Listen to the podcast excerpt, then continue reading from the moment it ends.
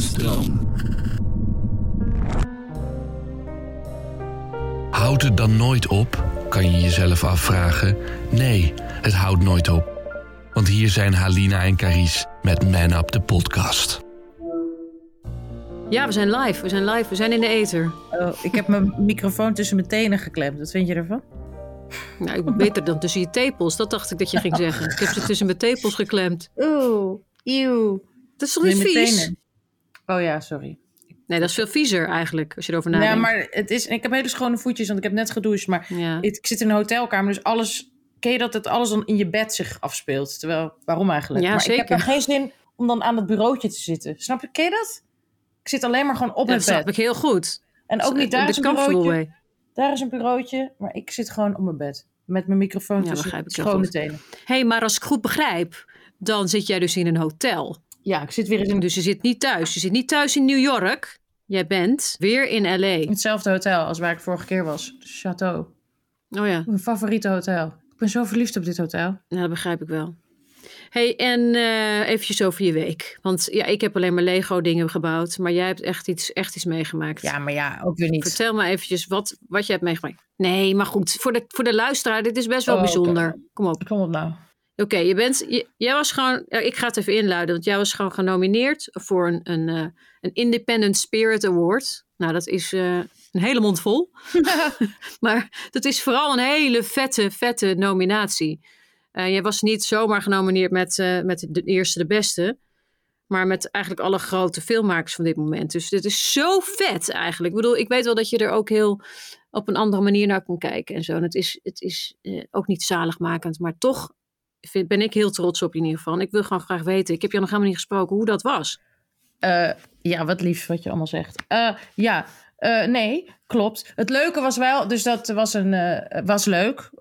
Ik, ik kon er eigenlijk meer van genieten. Nee, nou ja, wij weten natuurlijk ook allebei. Ja, was leuk. Het is alleen Ja. maar prijsuitreikingen en zo. Dat is ook meestal, ik bedoel, ik weet nog zo, ik heb zoveel leuke anekdotes over jou en prijsuitreikingen, maar ik zie ook weer, moet ik ook word ik weer emo, maar zie ik je voor me die roze prinsessenjurk, weet je nog? Met hele Met die lange haar, handschoenen. hele lange handschoenen en Wat probeer ik daar uit te beelden? kwaad. Een soort van Frozen. Je was zo, nou dat was, ja, maar ik hou heel erg als je jezelf zo eh, aankleedt.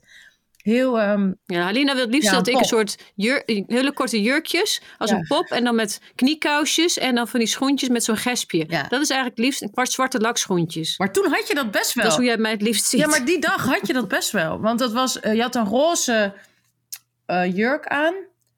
En eh, handschoenen. En Mhm. anyway, het was helemaal af. Maar goed, anyway, toen ging jij, won jij weer je, je 80ste gouden kalf. Nee, of, of dat was nog in het begin van die reeks van 80. Maar mijn punt is dat je toen ook heel nerveus was. Ja. En dat we allebei weten dat zo'n prijs eh, eigenlijk vaak... Zo'n avond is gewoon één grote stresskanon. En heeft niet zoveel met plezier te maken. Maar dit keer kon ik er veel meer van genieten. Omdat ik was genomineerd met allemaal zulk... Hoor jij die piepen? Of hoor ik, ben ik de enige die die piepen hoort? Ik hoor... Nee, dat hoor ik niet. Nou, dat zijn waarschijnlijk misschien roomservice. berichten die binnenkomen. Hè? Mensen die me willen bereiken. Nee, oké, wacht even. Ik ben heel erg van mijn pad aan het dwalen. Maar eh, Nee, je, bent dus, je zat in de Spirit Awards. zat in die Spirit Awards. is- en ik dus- kon ervan genieten omdat ik genomineerd was met zulke grote eh, regisseurs. Dat ik ook wist, ik ga sowieso niet winnen.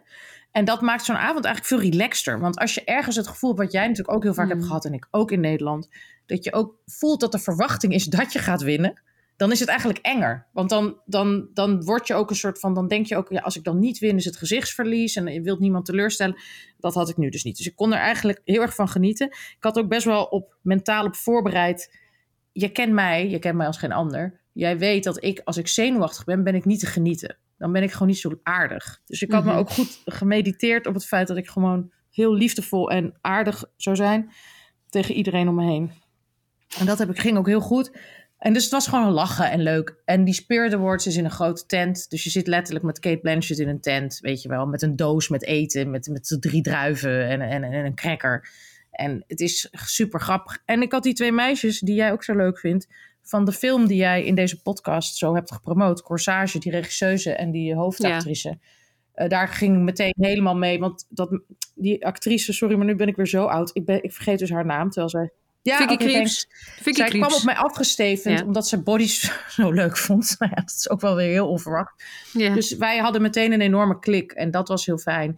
Ja, en je ziet daar toch allerlei idolen van je rondsloffen en dat is gewoon hartstikke leuk. En ik was natuurlijk enorm vereerd dat ik tussen die types mocht staan. Maar wat veel enger was, was een paar dagen daarvoor moest ik een panel doen.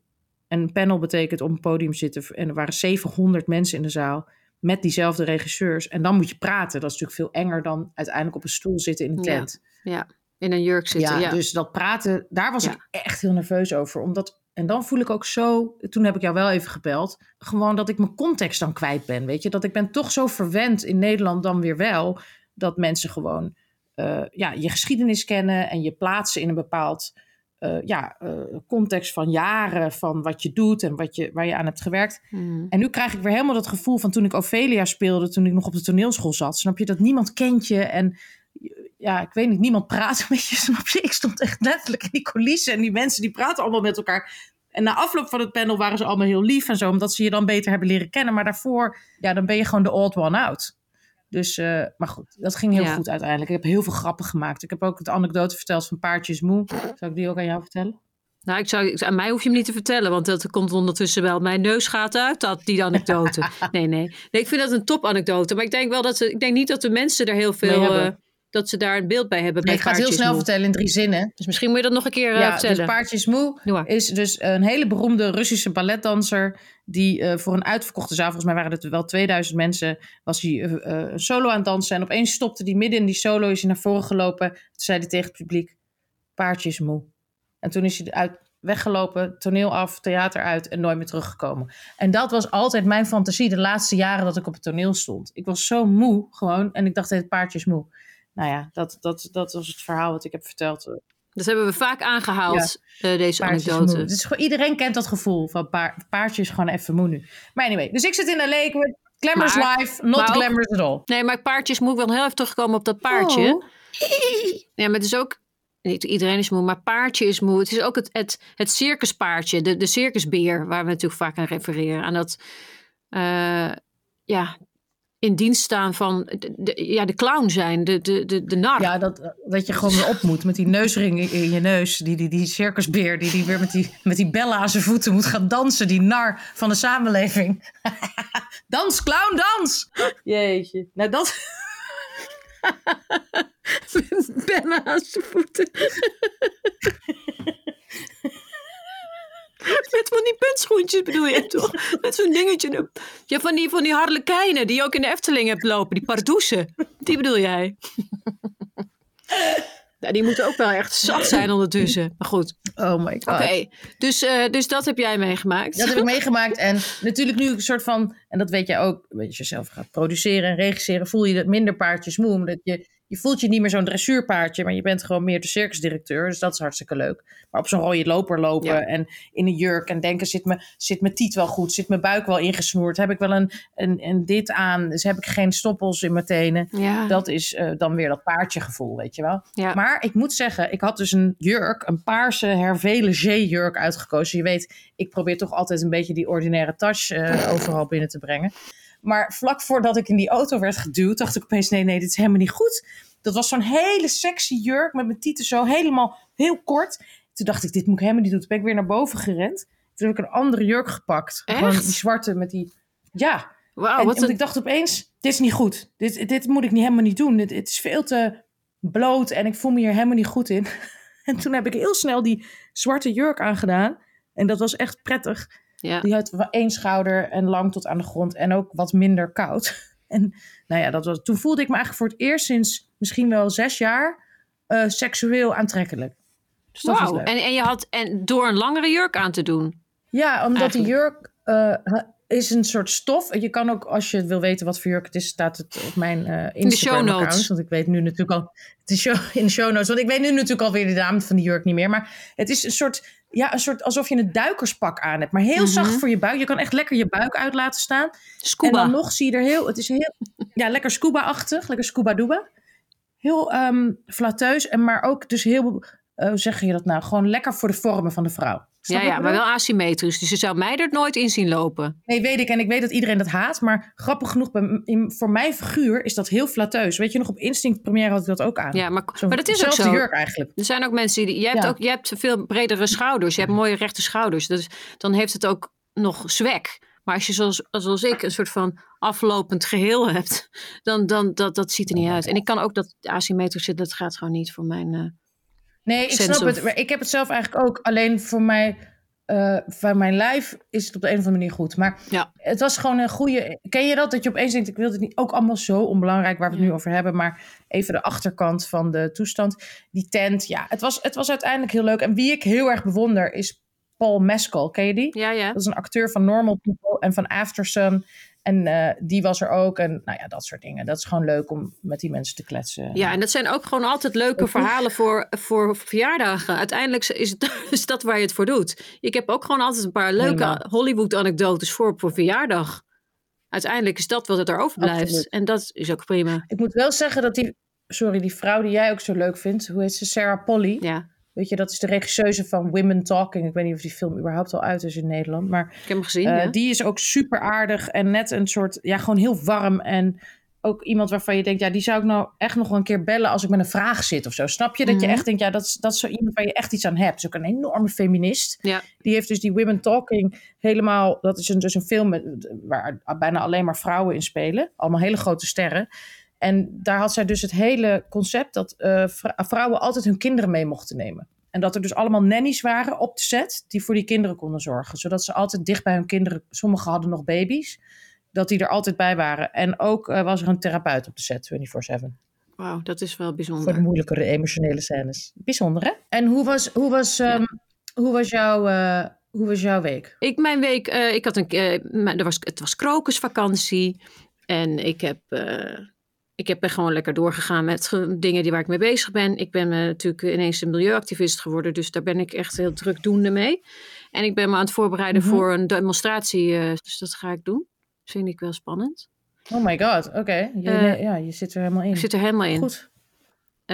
Ja, ik heb me er echt. Ik, ik ben, zit er diep in. En ik vind het eigenlijk ook heel prettig, moet ik je eerlijk zeggen. Ik vind het, het geeft me echt een ehm, gevoel van. eh, zoals het ene filmpje dat was gezien op YouTube of op wat, TikTok of wherever. Zo'n man die dan, zo'n Nederlandse man die geïnterviewd wordt in een auto. En dan zegt hij iets van. Ja, maar dat is mijn purpose. Dan zegt de jongen, je bedoelt je purpose. nee, mijn purpose. Dus dan dat ik een beetje purpose heb.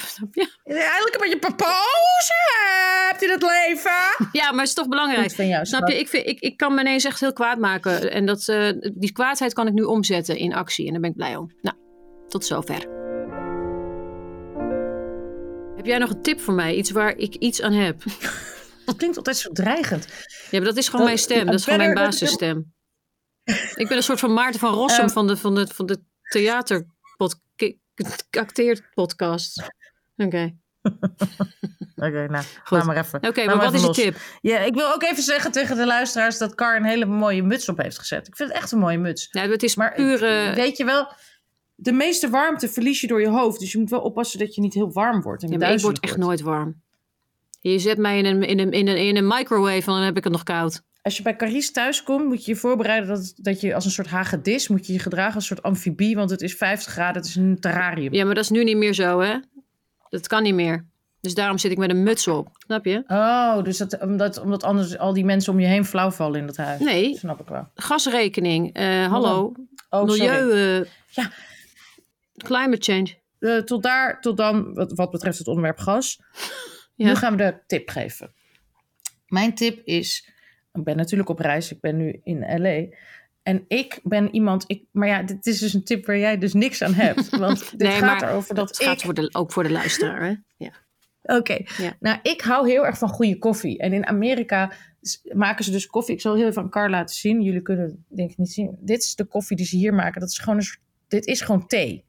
Dit is gewoon Oké. eigenlijk een kopje thee. Het is heel Ja. slap wat ze hier maken. Ja, oké. Dus mijn tip is koop een travel coffee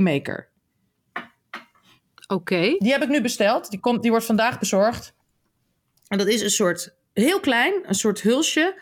Je moet er wel kokend water in. Dus je moet wel een, een, een, waterboiler hebben. En dan kun je gewoon met een, met een, eh, met een cupje kun je gewoon koffie zetten, maar ook met bonen. Ook met Dus bonen. dan kan je waar je ook bent, of je, ja, dus een klein maal, je kan ook met koffiebonen gewoon in dat ding. Het is een heel klein apparaatje. Kun je, ehm, kun je koffie maken. Sterke, goede espresso. En zeker voor mensen zoals wij die altijd reizen. En ook als je op een set bent, weet je, dan heb je altijd van die slappe koffie. En als dat je verslaving is, zoals bij mij. Dus dat is mijn tip van de dag. Koop gewoon een klein reis koffiemakertje. Oké. Dat is mijn tip. Nou, genoteerd. Staat genoteerd. Ik heb nog een milieutip. Een ecotip. Ook iets waar jij denk ik wel echt iets aan hebt. Ik trouwens nam- namelijk echt. Ik las vandaag namelijk dat je je footprint kunt verlagen enigszins. Ik weet niet op welke schaal dat is. Maar door e-mails te verwijderen uit je inbox. Wij hebben allebei, ik heb 58.000 ongeopende e-mails. Ik denk dat jij ongeveer, waar zit jij ongeveer? Kijk Even even. kijken. Eh, Ik heb 16.569 ongelezen Netjes, netjes. maar ik zit er best wel overheen. En dus ehm, al die data verwerken, dat kost allemaal heel veel energie. Ja, maar dat, die, al die machines, dus al die machines die... Ik weet nog niet precies hoe het werkt, maar dat, die hebben allemaal koelwater nodig. En in ieder geval, het komt erop neer dat als je gewoon dat reduceert... Dus dat je ook niet als je een nieuwe computer een keer nodig hebt... en je gaat al die 58.000 e-mails weer overzetten op dat andere systeem... het kost allemaal heel veel energie. Dus dat is mijn kleine eco-tip. Vind je ervan? Wat interessant. Ja, toch? Ik weet niet of ik het helemaal geloof, Geloof. maar ik denk dat je... nou, ik, kan, misschien- ik kan nog even een soort fact, fact-check erop loslaten. Misschien en ook op die honing, die honing, die zou je ook nog... ja, heb ik, ook niet, heb ik ook niet gefact-checkt.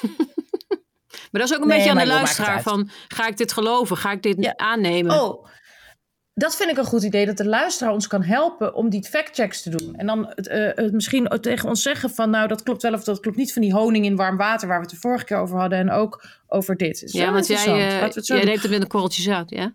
Ja, jij neemt mij ook altijd met een korreltje Ja, zout. klopt. Ik heel vaak zeg, ik, kom, we gaan naar, we gaan naar eh, daar en daarheen. Eh, het is maar eh, drie minuten met de trein. Ja, dan is het dan- twee uur. Dat is ook weer...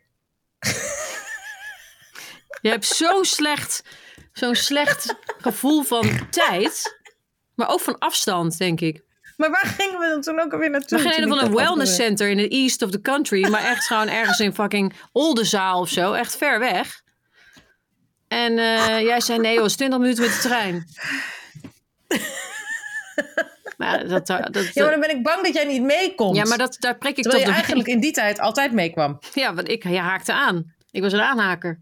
Jij was een aanhaker in die tijd. Oké, maar ik wil je ook nog iets uitleggen. Mm. Ik, wat, ik heb namelijk per ongeluk... Wat, heb ik me geabonneerd op onze podcast. Vet. Dus ik kreeg opeens een melding vorige keer van... er is een nieuwe aflevering. Maar nu heb ik dus ook... Ik heb geen, echt serieus geen idee hoe ik dat heb gedaan. Ik, ik, ik ben naar die podcast-app op mijn telefoon gegaan... en toen heb ik op een bepaalde knop gedrukt. Mhm. Knop. Ja. En toen ben ik dus... Nu ben ik een fan van ons of een abonnee van ons, whatever. Maar dan krijg je dus een melding als we een nieuwe aflevering Vet. hebben ge- Krijg je ook een nieuwsbrief, of niet? Hebben wij een nieuwsbrief? Een show notes? Maar, maar- nou, dat, een show notes. Is dat enkel nee, volgens mij moet je dus ergens op... Want ik, ik, ik weet het ook niet. Maar wat ik net begrepen heb, is dat je op volg moet klikken. Op klik op volg. Nee, vol- volg op klik. Klik op volg. En dan moet je naar je, naar je favoriete podcast-app streamer. Of is dat, is dat, is dat, is dat iets? Pod- Ik weet niet eens waar ik het over heb. Maar ik vind het goed. ik Nee, vind maar het als goed mensen zich willen dat- abonneren, dan ga je dus naar Ja, ja, volg. Dat is belangrijk, want jullie moeten ons steunen. Omdat, want als jullie... eh, Maar hoe moeten we ons dan, hoe moeten ze ons dan volgen? wat gebeurt er dan eigenlijk? dan? Ja, dan voelen we wel, die steun voel je wel. Die, voel je, die voelen we voelen wel. we ons gesteund. dan voelen we ons gesteund. Maar kunnen jullie alsjeblieft ook wat meer vragen stellen... wat wil, jullie willen dat wij doen? Ja, maar mensen leven in een angstcultuur? Halina. Mensen leven in een angstcultuur. Ze durven niks te vragen. Een angstcultuur? Voor nee, ons? maar luister. Nee, maar Nee, even nee, serieus. Wat ik heb begrepen is dat er Ah. ergens een knopje moet zijn waar volg op staat. En dat je die dan aanklikt. Dat is niet zo. Oh. Jawel. Maar ik weet alleen niet op je waar dat knopje... waar volg op staat? Nee, niet op je telefoon. Op een app of iets. Oh. Of op onze... Hè? Of op onze... dit, dit promotiepraatje Instagram. echt als een speer. Iedereen heeft zich nu al geabonneerd. niet. Iedereen die niet wist hoe die dat moest doen, weet het nu wel. Maar wat krijg je dan daarvoor, voor dat abonnement? Een cadeau? Een cadeau? Nou, eh, aangezien ik dus in Los Angeles ben, gaan we het deze week lekker even hebben Mhm. over Hollywood en alles wat daarbij komt kijken. Oké, nou laten we nog even wat herinneringen uit de koeiensloot halen. Uit welke Koeien hoek uit de de, de Hollywood herinneringen ko- halen. koeiensloot? Nou ja, eh, toen wij, eh, weet je nog, toen wij Zwartboek hadden gedaan, dat is een, een film. Er zijn natuurlijk ook mensen die echt geen idee hebben waar we het over Hmm. Nee, maar je hebben. weet hè. er niet eens wie Zwartboek is een George Michael is. Ja? Zeg nee, maar wat even. klopt. Eh, of Prince of zo. Ja. Zwartboek is een film over de Tweede Wereldoorlog, geregisseerd door Paul Verhoeven, waar Carice de hoofdrol in speelt en ik ook een rol in speel. We hadden samen dus een ingespeeld. En toen Ronnie, de roversdochter. Ja? Ronnie de moffenhoer. De moffenhoer. Anyway, maakt niet uit. Kniezoor die daarop let. Wij zaten in die film. Ronnie de mop. Oh, oké. Ja, oké. Even niet te serieus dit nu nemen, alsjeblieft. Ja. Kijkers en luisteraars. Anyway, dus wij hadden die film gedaan. En toen, ik weet niet meer, ik weet nog wel dat ik in Antwerpen was. Toen opeens iemand mij belde. Andrea Kleverlaan waarschijnlijk, mijn oude agent. Mhm. En toen had Tom Cruise, die, had namelijk, die wist namelijk dat hij een film ging doen over de Tweede Wereldoorlog. Valkyrie namelijk. En die was toen eh, lekker uh, Naast zich helemaal zoek? in die materie aan het onder... Naast op zoek. En hij was in zijn, in zijn screening room had hij allerlei films gescreend voor, om geïnspireerd te raken over het onderwerp. En waaronder Zwartboek. En toen heeft hij eigenlijk maar meteen besloten, nou die twee eh, dames, die neem ik ook gewoon voor Die zijn geknipt voor de rol. Wat natuurlijk best wel weird was, eigenlijk. Dus toen werden wij weer als snip en snap, werden wij weer eh, in, in kisten geladen en, en, en eh, door de Tweede Wereldoorlog kostuum zolder gehaald. Nee, oké, zo ging het niet. Zo ging het totaal niet. Maar hoe ging het wel? Niemand weet het meer. Ja, hoe ging ik het weet wel? alleen nog dat we in een hotel... Nee, ik weet alleen maar dat we... Ja, ik we weet gingen nog heel in een weinig. hotel. Ja, Weet je nog het hotel? De, ja Regent, het? de Regent de. Region. Ja, de Regent, Regent ja. in Dat heeft heel veel indruk op mij gemaakt. Mhm. Want wij zaten er maar en zaten er maar. Want ja, En maar schnitzels En toen, en vreten. toen zei hij. En maar stiezel's vreten. En toen zei die ober altijd tegen ons: Wij weten hier in dit hotel eerder wat jij wil. dan, wat, dan dat jij weet wat je wil. Wauw.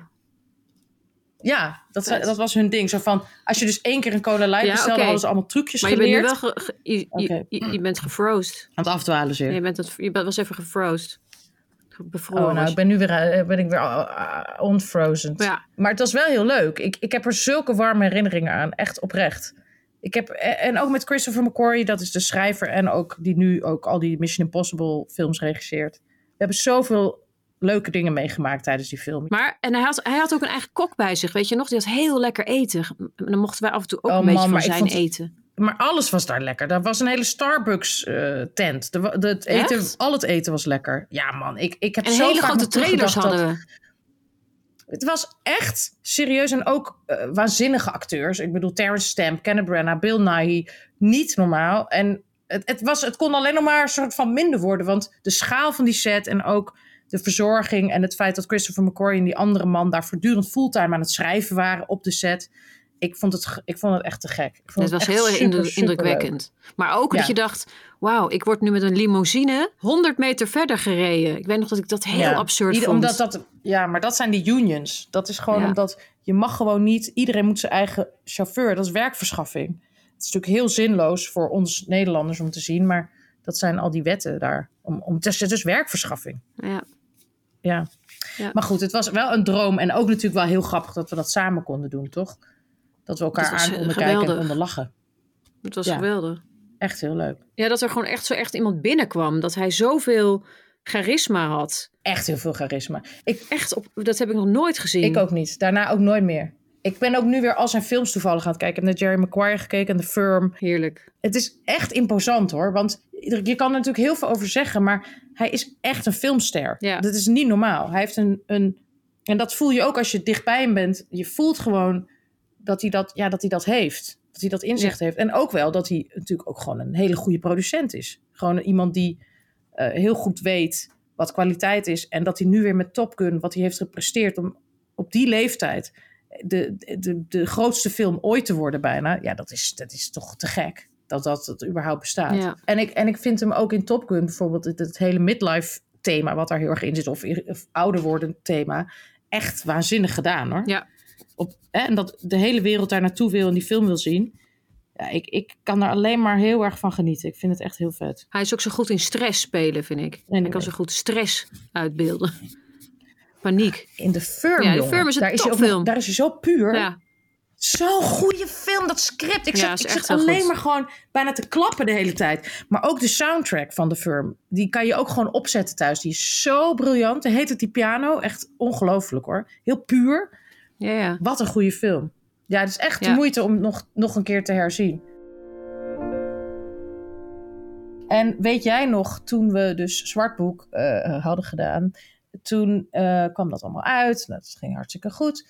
En dan ging de hele wereld over als een komeet. En toen werd jij benaderd door allemaal Amerikaanse agenten, weet je nog? En toen vlogen ze helemaal naar Schiphol vanuit LA om jou te ontmoeten. Weet je dat nog? Ja, bizar vond ik dat, ja. CAA was dat. ja, heel groot me wel heel erg. agentschap is dat, grootste ter wereld. En hoe ging dat toen? Vertel even. Ging jij toen eh, in de McDonald's Ja, van de ik weet het Schiphol? natuurlijk allemaal niet meer. Eh, nee, het was in een soort van hotel van Schiphol. Er zitten toch ook van die hotels in Schiphol. En in zo'n soort van lobby van zo'n hotel heb ik haar ontmoet. En toen dacht ik, eh, toen vroeg ze of ze mijn agent wilde, kon, mocht worden. Toen zei ik, ja, ah, prima. Deal. Ja. Wel, eh, ook, ook als je er Dat nu was aan- eigenlijk het verhaal. Ja, als we er nu aan naar terugkijken, heel bijzonder toch ook. Ik bedoel dat ze zo out of hun way gingen helemaal om jou maar binnen te slepen, binnen te harken. En ik herinner me ook nog, het werd je natuurlijk gevraagd voor allerlei films. En je ging ook veel grote internationale films doen.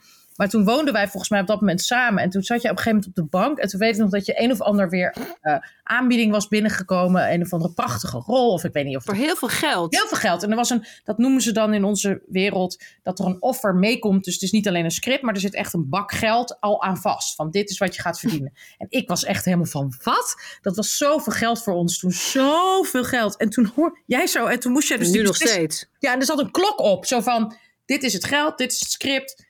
Eh, en je moet binnen zoveel uur moest je een beslissing nemen. En toen zat je zo, eh, ik zat daar waarschijnlijk allebei, eh, weet ik veel, te roken of zo. Maar het speelde zich af in India, hè? Heb je dat ook gezegd? Nee, oké. Het speelde zich af in India. En toen was dus ja, was het idee dat jij dan dat script ging lezen en daar een inhoudelijk heel diep, diepzinnige beslissing over zou gaan nemen. En toen hoorde ik jou op een gegeven moment tegen jezelf zeggen, ook niet tegen mij, heel zachtjes. ik hou helemaal niet. Niet. van, ik hou helemaal niet van India's eten. Nou, en daarmee was de kous af. Daarmee was de beslissing genomen. Dat ging niet door. Dat was, dit was jouw, dat was jouw aanpak van maar hoe je je gewoon carrière... alleen maar- Dat was jouw carrière-strategie. Van welk eten je lekker vond. Super. Ik, ik zag mezelf gewoon al. Ja, ik hou gewoon niet van India's eten, laat ik het zo zeggen. Ja, inderdaad. Wat ik goed recht van. is. Ik heb er een slechte ervaring mee. Dus ik Ja, heel erg van over mijn nek pas- gegaan. Pasta bolognese vind jij heerlijk. Dat hadden ze daar misschien niet. Of in Ja, ieder geval, daar ben je ook niet op research gegaan. Dit was het gewoon. Nee. Ja, terwijl ik, ik zou heel graag naar India willen nu. Maar toen, eh, eh, ik, ik, eh, het trok me echt niet. Eh, Zoveel films waar ik weet dat jij voor gevraagd bent die je dan niet hebt gedaan. Dat ik had, eh, hier eh, was een screening georganiseerd van Monos. Weet je, daar ben je ook nog voor gevraagd. Weet je waarschijnlijk niet meer, want je vergeet Ja. ook alles. Moest ik Jawel, weet ik nog wel. zitten kijk ik gewoon die hele film alleen maar door die bril. En dat was best wel een fout dat ik dat niet gedaan had. Nou. dat was wel jammer. Het is een topfilm Nee? en je had het fantastisch gedaan. Maar het is wel, je had wel in de jungle moeten opereren tussen de slangen en de. En de, en de Ja, dat, ik weet niet daarom heb ik het niet gedaan natuurlijk. Het is een, een, een, een, een van de er is beste. natuurlijk een reden Ja, voor. een geweldige film, maar ik, ik weet niet. Ik had, ik, had het, ik had het in ieder geval niet gedurfd. Dat had ik niet overleefd. Ik ook niet. Ik ook echt niet. Ik, ik, ik, maar ik zit die hele film. Ik zat met allemaal beroemde mensen in die screening. Maar ik zat alleen maar te lachen omdat ik de hele tijd aan jou moest denken.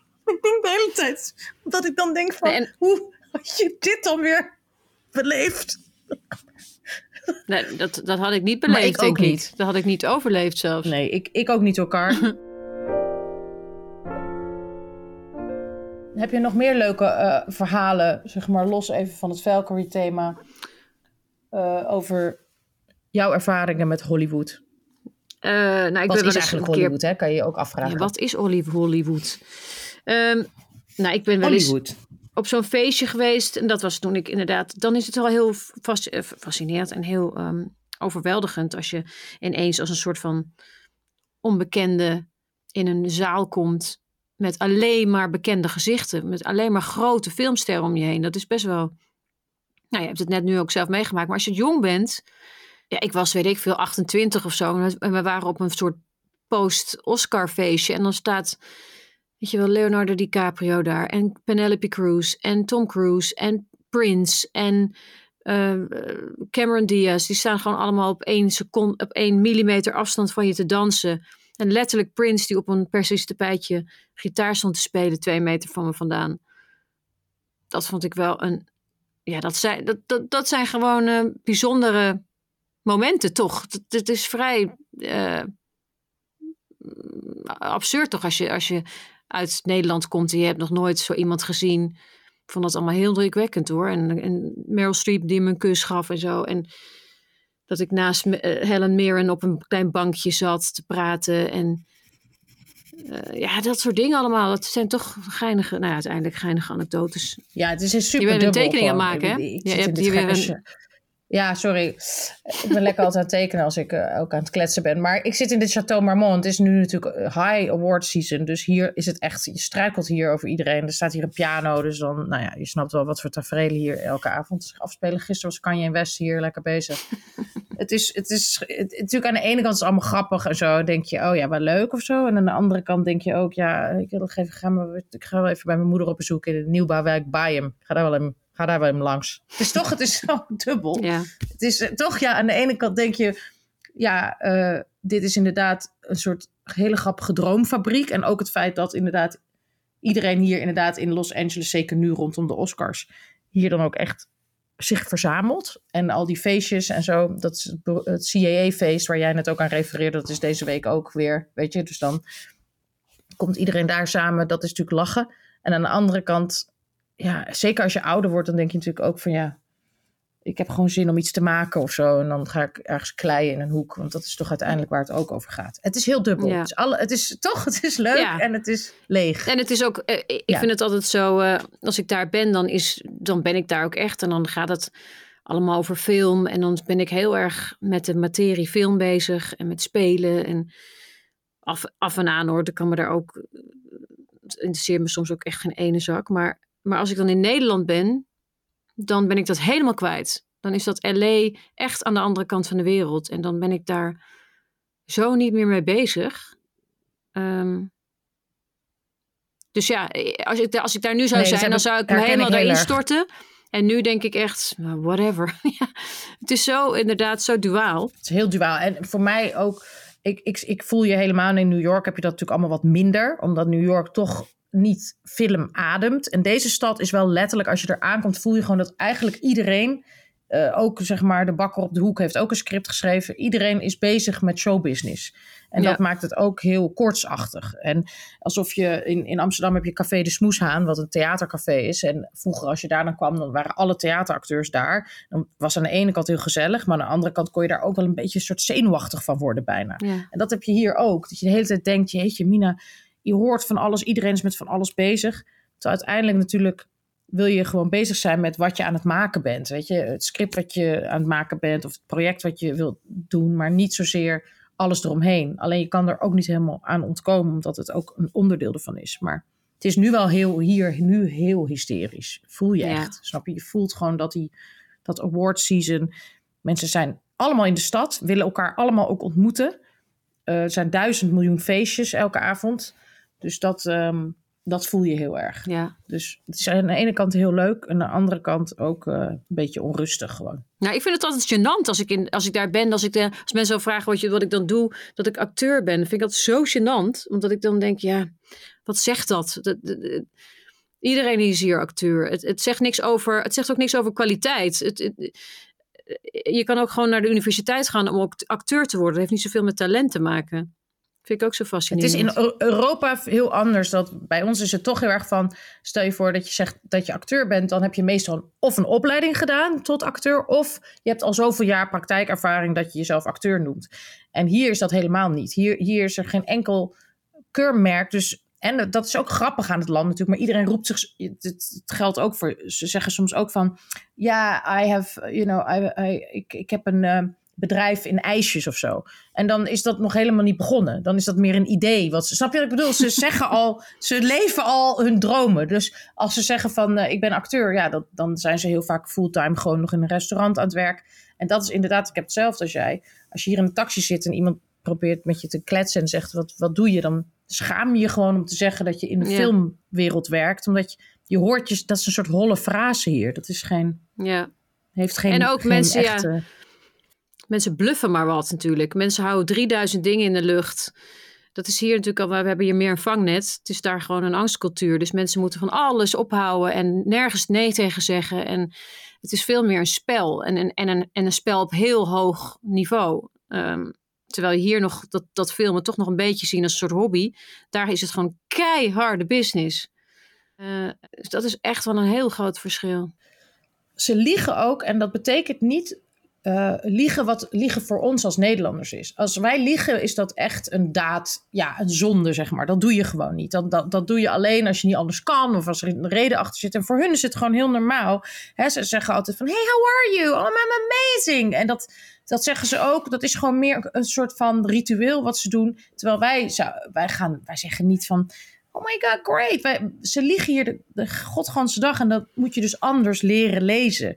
En in het begin neem je, zeker als je jong bent, neem je dat natuurlijk allemaal serieus. En denk je, oh, en dan moet je dat heel erg leren om dat te interpreteren en eigenlijk naar het, ne naar het Nederlands te Ja. vertalen. Om Dat die taal te vertalen, omdat- ja zeker. Ja, ja dus ik, ik, ben er heel, ik ben heel lang niet eh, in LA geweest. Ik was er dus recent nog, maar daar was ik, daarvoor was ik echt jaren niet geweest. En dan, dan ben je dat ook weer een beetje kwijt. En, en dan ben ik er weer heel gevoelig voor. Dus ik heb ook, was jij bij, dat ik tegen mijn manager letterlijk heb gezegd van... In de gang stond te schreeuwen van ik wil die, niet die Hollywood bullshit. Geef me niet die shit. Ik ben gewoon Europeaan. Ik wil gewoon horen, je bent te oud. Ja, je hebt een slecht accent. Of we hebben even geen plek voor je. Of het werkt nu even niet. Of dit is niet gelukt. Ik kan daarmee dealen. En ook met jullie falen. Dat, ik zie dat niet als falen. Maar goed, voor hun is dat allemaal... Ze zijn allemaal doodsbang. Als je ze een keer belt, dan durven ze niet op te nemen... omdat ze denken dat je, dat je ze gaat ontslaan. Het, het, het, Exact. het, het is zo extreem. Omdat ze geen vangnet is, eh, hebben. Nobody cares. nee. Nobody cares. Als je... Ja, Ja. en het, het, het is daarom wel heel goed, en dat weten we allebei, omdat we allebei ook hier werken.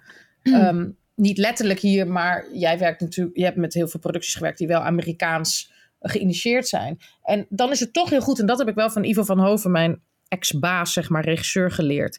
Dat je, het ook goed is om je erin te verdiepen, zodat je het begrijpt. Waarom? En dat Ja. helpt mij nu heel erg, want in het begin werd ik er heel kwaad van. Of heel wantrouwig. Dus, want eh, omdat ik, als je hier een film maakt, je hebt ook gewoon letterlijk te maken met dat het niet efficiënt is zoals zij werken. In de zin van, het, het is omdat nie- niemand de waarheid lijkt te zeggen in het begin. Wij zeggen gewoon nee. Dus dan gaat het ook heel snel. Als wij zeggen, hey, mag ik tien tv's hier neerzetten? En iemand zegt, nee, dat kan niet. Er kunnen maar twee tv's staan. Oké, great. Dan ga je weer door. Maar bij hun is het, oh, sure, of course. En dan, maar dat betekent helemaal niet dat dat echt zo is. Dus dan hielp het mij heel erg om inderdaad naar die cultuur te kijken. Van waar komt dat dan vandaan dat ze dat doen? Maar dat is precies wat jij zegt. Omdat er geen vangnet is. Omdat het moeten ze wel bluffen en moeten ze chageren en hosselen. En eh, durft niemand, wat jij zegt, niemand durft nee te zeggen. Want als je nee zegt, ben jij degene die ja, daar verantwoordelijkheid voor draagt. Terwijl bij ons is dat veel vrijer. Je, want je wordt niet meteen ontslagen als jij een foute keuze maakt. Nee, precies. En, voor- en voor hun is het inderdaad van, als je, eh, het kan best wel zijn dat je de, de, de persoon in kwestie nog op een andere manier een keer tegenkomt. Dus je, je kan je eigen glazen absoluut niet ingooien. En die- ze kunnen zich niet permitteren om een fout te maken, inderdaad. En eh, da- dat moet je echt inderdaad leren begrijpen. Want ik ben ook best wel een beetje een rebel. Ik, kan, ik, ik merkte dat ik daar heel erg gefrustreerd over raakte. En eh, maar inderdaad, als je begrijpt waar dat vandaan komt en ook eigenlijk met een soort van mededogen ernaar kan kijken, dan is, het, dan is er wel mee te leven. Ja, dan kan je het in ieder geval vertalen. Ja, exact. Nou, wat ik wel irritant vind is van agenten en zo. En ik snap het ergens ook wel, want als je in Hollywood bent, dan, dan is Europa ook, het is gewoon heel ver weg. Voor mij is nogmaals Amerika ook heel ver weg.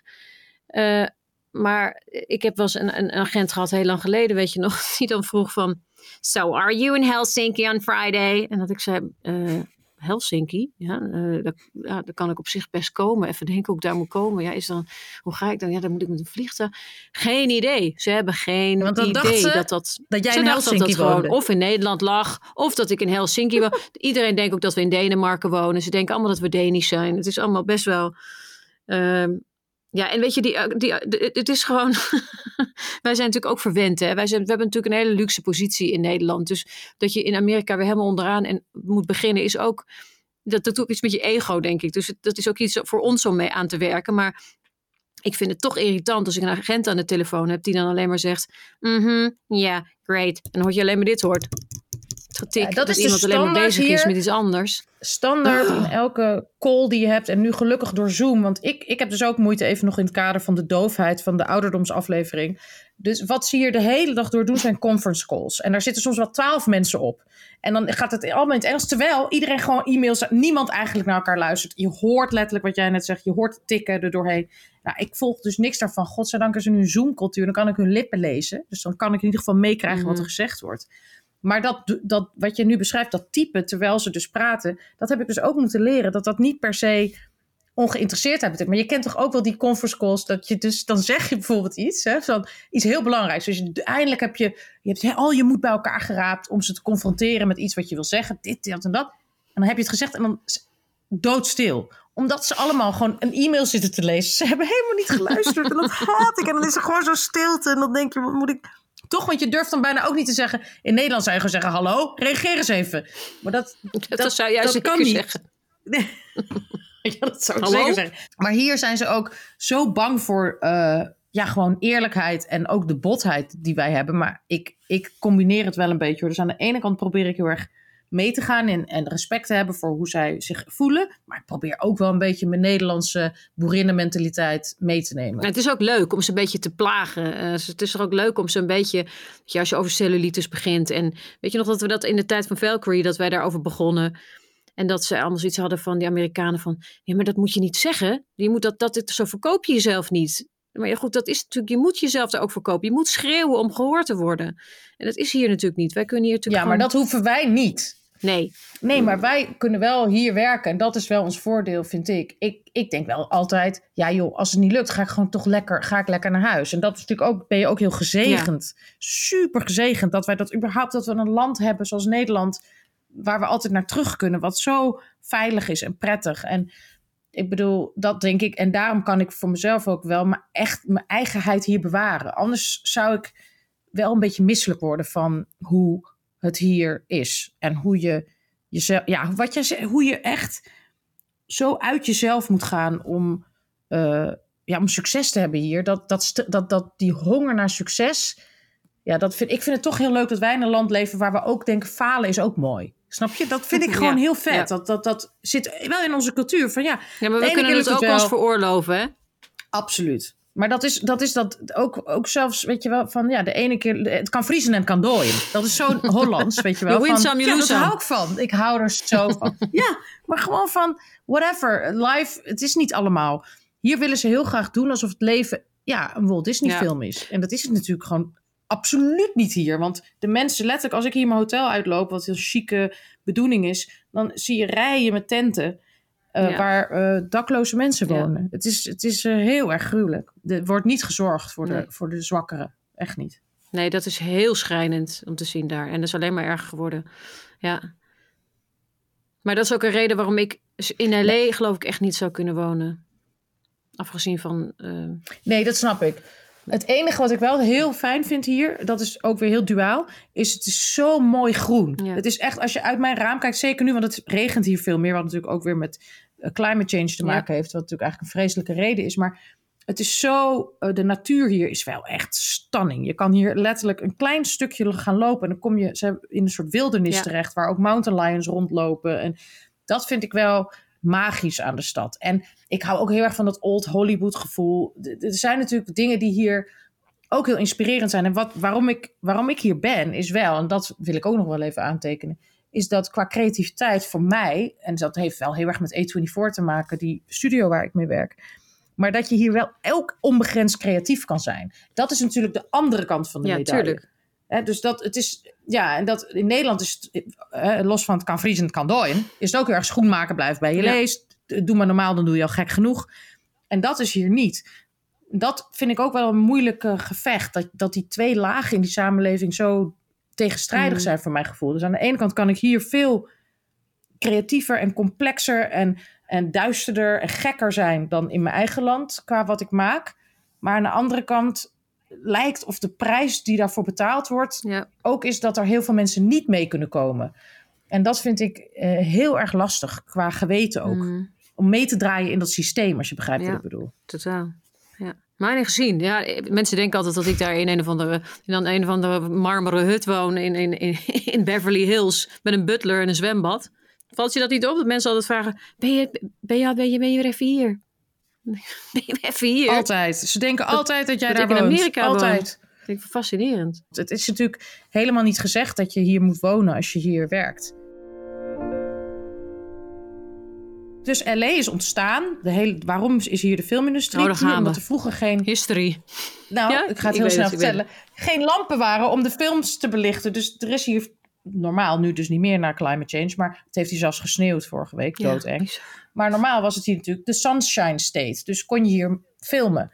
En dat gebeurde hier dan ook. En daarom trok iedereen hier naartoe. Maar dat is al lang niet meer zo. De meeste films worden gedraaid in, nou noem Nou eens ja, wat, all over the Bulgarije, eigenlijk. Dus, Praag, Ierland. ja, maar jij, en jij, waar heb jij Game of Thrones gedraaid? Ierland. Ierland. En dan hebben ze ook, jij dan niet, maar op Malta bijvoorbeeld gedraaid, toch? Dus heel veel dingen worden helemaal niet hier gedraaid. Het meeste eigenlijk niet. Het wordt hier nog zelden, Nee. denk ik, echt daadwerkelijk. Misschien wel veel grote tv-shows. Je hebt natuurlijk wel die hele grote studio's. Netflix-studio's, weet ik veel, Amazon-studio's allemaal. Maar die zonneschijn is natuurlijk niet meer een factor die bijdraagt aan waarom hier gefilmd wordt. Nee. We hebben nu kunstlicht, moet je weten. Dank je voor dit stukje trivia, Halina. Trivia Rijn. Mooi, ja.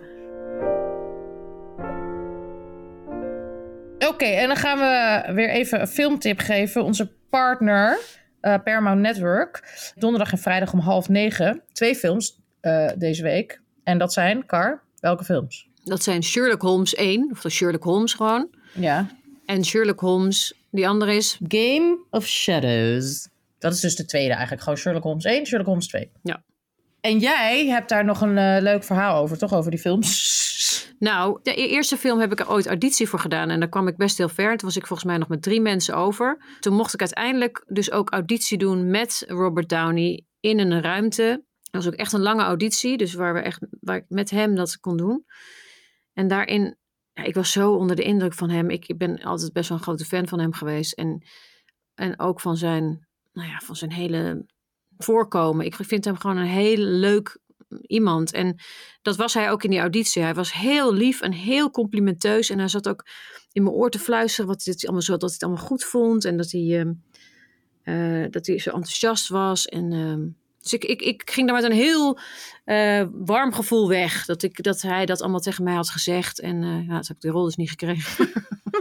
maar ehm, ik was ook een. Ik was natuurlijk echt. Ik had net zwartboek gedaan. Ik denk, misschien was dat net uit. Maar ik was natuurlijk helemaal geen grote naam. Uiteindelijk heeft ehm, Rachel McAdams die eh, rol gekregen. Dat snapte ik ook wel. Maar ik, ik, ik weet nog dat ik dat heel verdrietig vond. Omdat ik dat echt, dat was zoiets voor mij. Ik had daar zo me, me draai gevonden. Ik had zoiets leuks van, die rol kunnen maken, dacht ik zelf. Ja, ik weet, ik weet nog heel goed dat, het, eh, dat je daar toen eh, je ook heel goed op het voorbereid. En dat dat echt, dat dat echt want je hebt, nou ja, wat, wat we ook wel vaak hebben benoemd, wat wij allebei wel kunnen hebben met spelen, dat we nou niet gek genoeg, niet zo mega ambitieus zijn. Maar dit was echt iets wat jij graag wilde, dat weet ik nog inderdaad. Ik weet toch wat het is, dat ik iets met een pijp deed en dat ik een soort van, dat ik een soort van gelijke van hem moest spelen. Dat, ik weet nog wel, maar hij was natuurlijk, ja, Sherlock Holmes, toch die gast met, die, met dat ding, met, die, met, die, met, die, met dat vergrootglas en altijd maar mensen in de gaten houden en dingen proberen op op, zoek te zijn. Ja, ik heb die, die eerste En volgens mij zat er ook Ja. niet, eh, Jude Law zat er ook Jude in. Law, hij zat erin. Onze vriend Jude. Onze vriend Jude. We hebben allebei gespeeld met Jude. Ik heb een film met hem gedaan. Alina heeft een toneelstuk gedaan. Ja, en het is natuurlijk een goede vriend geworden. Dat is echt super. En ik heb, ik heb die film dus wel gekeken. Dat herinner ik me, die Sherlock Holmes 1. Het was een, een, een toon waar ik met jou ook heel goed bij kon Ja. Een beetje komisch, maar ook spannend.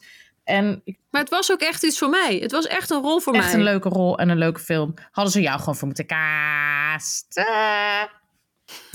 Niet waar? En nu zeg nog even iets over de show notes, Car. Ga ik nog even de show notes Je favoriete doen? onderwerp? Ja, ga ik nu doen. Go. Ja, eh, en in de show notes van deze aflevering kun je checken welke kanalen je Paramount Network kunt vinden. Mooi. Ik ga nog iets beter zeggen. Nee, ik nee, dit is goed. Ja? Dit- je moet dit zo laten. Dit was een prachtig, perfect schilderij. Let it go. Ik wil nog even zeggen tegen jou dat ik nog een tip voor jou heb. Want ik ben Oh. erg gespitst op jou als ik door de, eh, in deze week de kranten lees of de televisie aanzet. Ik had jou een tip gegeven over die eh secte documentaire. Heb ik gezien. Ja, maar hoe heette die nou ook weer? Nou ben ik het weer kwijt. Oh, wat is Ja, het erg? Stolen Youth. Stolen Youth. Stolen Youth. En, ben je begonnen of nog niet? Ik heb het al af. Oh, en? Dus echt ontluisterend. Ontluisterend. Ik moet zeggen dat ik eh, ja, van heel eh, eh, eh, ehm, disturbing to watch, zeg maar. Ik vond het. eh, Het is heel deprimerend. Het is, het ik moet zeggen, deprimerender dan de vouw. Het is, het is echt, er zit geen hoop ja, in. maar toch? Nee, het is nee. Uit, nou, het, nee, niet veel. Nee, dat ben ik met je eens. Het is wel, het is een heel bleek, eh eh bleeke geschiedenis. Holy shit, hè? Nou, uiteindelijk zit er ook wel hoop Ik in. vond de vrouw. Ja, vind ik wel. En ik ben, godzijdank, is die vrouw er nog redelijk normaal uitgekomen. Die ene zus. Oh my god. Eh, maar dank voor de tip, want dat heeft me echt een paar eh, verschrikkelijke uren bezorgd. Maar dan heb ik er nog geen voor je. Ik heb het alleen zelf niet gezien, maar Oh. ik blijf gewoon helemaal in dit thema met je, als je het niet erg vindt. Maar Mhm. eh, eh, in een van de grote Nederlandse kranten stond een recensie van een Nederlandse documentaire die ik heel graag wil zien, maar omdat ik weer niets van VPN-adressen, computers en eh, hoop ik dat de, de kijkertjes thuis mij misschien kunnen helpen. Maar die heet kan iemand daarmee helpen? Ja. want ik wil die heel graag kijken en ik zit in, gevangen in Amerika. Maar die documentaire heet in ieder geval De Plato School. De Plato School. En het is een Nederlandse documentaire en het gaat Ja. over zo'n school die in, ik denk in de jaren 70 of zo, begin 80 is opgericht. eh, vanuit het eh, hippie-principe en, het, en filosofie en, en eh, kinderen van allerlei mooie idealen en allerlei dansen die ze daar ook deden en meditatielessen en weet ik het allemaal. En uiteindelijk werden leerlingen daar heel erg vernederd en waren er allemaal lijfstraffen die daar zelfs plaatsvonden en afschuwelijke. Dus dat is ook Oh, weer wauw. zo'n voorbeeld van iets wat heel vanuit mooie idealen begint, maar wat dan helemaal eh, verkeerd gaat. En dat vind ik gewoon eh, Uit de hand loopt. ja, uit de hand loopt. En dat vind ik toch iets heel herkenbaars. Want zelfs de vrije school, terwijl dat is een hele leuke, goede school, maar eh, ook daar, daar, daar zijn zeker geen lijfstraffen, absoluut niet. En eh, vrije school zou ik iedereen aanraden om op te gaan. Maar ik vond wel, toen ik er nog op zat, ook in de jaren tachtig dus, vond ik het ook eigenlijk, als ik daaraan terugdenk, moest je bijvoorbeeld in de hoek staan. Nou, dat vind ik echt niet meer kunnen. En dat is, dus, ja, dus dat is toch een combinatie van het idee, er zit een heel mooi vrijheidsprincipe achter. En het kind moet een kind kunnen blijven. En allemaal mooie gedachten. En het gaat niet om presteren. En kinderen moeten niet zo onder druk staan. Maar dus de, de, de regels zijn allemaal nog uit de jaren stilletjes. En dat vind ik zo achterlijk. Pas dat eens aan. Maar goed, dat hebben ze hopelijk wel gedaan. Maar die Platoschool triggert bij mij ook wel weer allemaal... Ik heb alleen nog die recensie gelezen. Ik moet hem nog zien dus, omdat ik geen VPN-ding heb. Maar het triggerde wel weer allemaal gedachten ook die ik heb over spirituele groepen en sectes. En gewoon het gevaar van dat soort eh, dingen. Ook nog een goede tip in dit kader is Mhm. Wild Wild Country. Die heb je vast al wel gezien. Maar een fantastische documentaire ook in ditzelfde rijtje eigenlijk. Ja, goede muziek ook. Maar goed, dat, vind, dat, dat hoor ik dan weer. Hè? Precies, met je muzikale oor. En eh, dus eh, die Platoschool, laten we allemaal die documentaire kijken... en dan kunnen we het er volgende week gezamenlijk over hebben. En als jullie ook nog vragen voor ons hebben, Doen stel ze. Dan behandelen we ze gewoon volgende week weer. Haha. Oké, ik denk dat ik weer het Hollywood in moet om, om lekker te netwerken. En lekker met Ga iedereen... jij maar lekker, die, die, ga maar lekker lobbyen. Oh man, ik ga nog even een dutje doen, joh. Ik ben veel te oud om, om te netwerken. Ik ga lekker nog even ik slaapje doen, joh. Ja, ik ga spruitjes eten. Nou, jij moet echt gaan eten, want volgens mij val jij gewoon in slaap, joh. het. Oké, nou. Eh, we zijn hartstikke Ja. blij dat jullie weer allemaal in grote getalen... dit is gewoon wishful thinking, dus heel Amerikaans... naar ons hebben geluisterd. Eh, wij vonden het in ieder geval heel gezellig. We hopen ook dat jullie allemaal die knop vinden waar abonnement op staat... die op je telefoon zit. Volg, volg. Oh, volg op staat, volg ons. En wij hopen van harte dat jullie volgende week eh, wederom aansluiten... om samen met ons dit prachtige luisterding te creëren. En als jullie vragen voor ons hebben... dan kunnen jullie dat op ons Instagram-account stellen... en dan kunnen we die vragen eventueel behandelen. Dankjewel. Of je belt Halina gewoon 06 504 Oh God, nee. 33272.